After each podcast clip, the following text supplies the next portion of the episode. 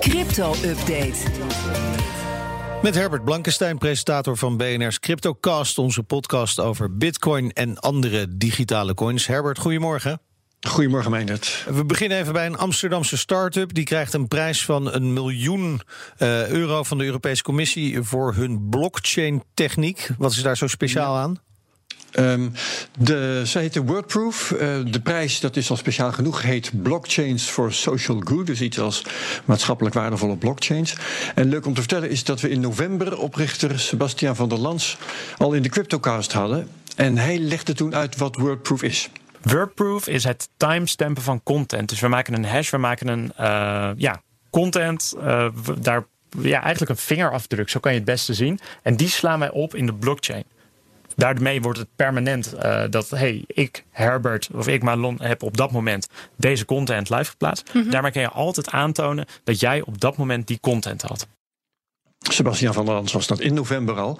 En Wordproof is dus een manier om plagiaat te bestrijden. Als iemand jouw werk online zet en hij beweert dat niet jij, maar hij de eerste was, dan kun jij die timestamp laten zien met een blockchain daarachter als bewijs. En kun je dus aantonen dat jij de eerste was. Oh, en, en even die prijs hè, van een miljoen, die krijgen ze in, uh, in bitcoin uitgereikt? Of uh, gewoon in Ik denk niet dat de, dat de, Europese Commissie al zo'n nieuwe wet is eigenlijk. Nee. Oké, okay, ja, dat is dan maar wel jammer. zo dat ze blockchain waarderen. Ja, precies. In de blockchain. Hè? Dat, de, dat is altijd makkelijk gezegd. Maar wat moet ja. ik me daar nou bij voorstellen? Beetje een stopwoordje. Het betekent uh, uh, elke keer dat je hoort wat anders. Maar in dit geval is het de blockchain van de coin EOS. Uh, de elfde coin qua marktkapitalisatie. En Wordproof heeft die blockchain gekozen omdat de informatie daar sneller in wordt bijgeschreven. Dus je bent eerder onder de pannen, zeg maar, dan in de blockchain van Bitcoin. Um, ook omdat de eindgebruikers geen transactiekosten betalen. En tenslotte omdat het netwerk van EOS CO2-neutraal is. Die van Bitcoin, zoals je weet, die is nogal hongerig naar energie.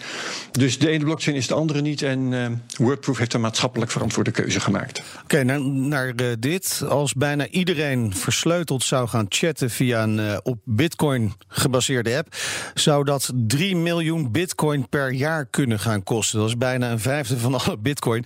Hoe moet dat ja. dan gaan werken? Dit gaat over het Lightning Network. Dat is de uitbreiding van Bitcoin voor microbetalingen. En je kunt met elke microbetaling die je doet via Lightning Network een bericht meesturen. Zo kun je met elkaar praten. Um, encryptie, die nou eenmaal onderdeel is van Bitcoin en Lightning, die zorgt dan dat niemand het kan ontcijferen. Dus ben je beter beschermd dan bijvoorbeeld door WhatsApp. Want er zit geen bedrijf achter dat gedwongen kan worden om achterdeurtjes in te bouwen. Daar is altijd gedoe over. Nou, dit is een idee geweest van de Nederlandse programmeur Joost Jager. En intussen zijn er verschillende apps die dit hebben uitgevoerd. Dus dat is heel leuk. Ja, heel leuk. Maar hoe kan het dat dat zo'n megabedrag moet gaan kosten? Ja, dat is best een beetje raar, maar ook uit te leggen. Bij microbetalingen horen microkosten, dus heel weinig per transactie. En nou is op Medium een artikel verschenen dat verschillende mogelijkheden uitrekent. Want als de helft van alle mensen deze manier van chatten zou gaan gebruiken, en sommige mensen die chatten heel veel, -huh. uh, en als er een vrij hoge fee zou gaan gelden, dan zou het om dit soort bedragen kunnen gaan. Maar uh, het is ook niet zo raar, want elke bitcoin kan net als elke euro in een jaar tijd vele malen van eigenaar verwisselen. Dus 3 miljoen bitcoin bitcoin per jaar zou niet eens uh, een nee. punt zijn voor het systeem. Maar wat, wat zouden de gevolgen zijn als chatten niet meer gratis is? Nou, eigenlijk uh, heel weinig, want in de praktijk zouden normale mensen het niet eens merken met uh, een aantal, uh, een paar chatberichten per dag en dan een bedrag veel kleiner dan een cent per stuk. Maar het mooie is, voor spammers zou het leven dan heel duur worden. Dus ik kan wat dat betreft niet wachten tot die microbetalingen voor het chatten invoeren. Oké, okay. nou, er komt in ieder geval weer een nieuwe CryptoCast aan. Wie heb je deze ja. week? Han de Jong, voormalig hoofdeconoom van ABN AMRO. En met hem gaan we praten over Modern Monetary Theory, MMT. Onthoud dat. Theorie is van sommige linkse economen en van politici. Bernie Sanders is bijvoorbeeld een aanhanger.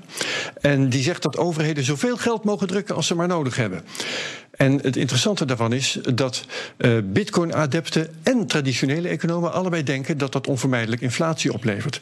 Alleen in de praktijk gebeurt dat op dit moment niet, dat weet iedereen.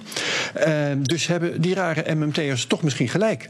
Nou, we gaan kijken of we daar met Han de Jong uitkomen. En morgen eind van de middag, dan kun je het horen. Ik denk dat heel veel mensen niet kunnen wachten. Dankjewel, Herbert. Uh, alle afleveringen van de CryptoCast zijn te beluisteren via de BNR-app, bnr.nl of natuurlijk je favoriete eigen podcast-app.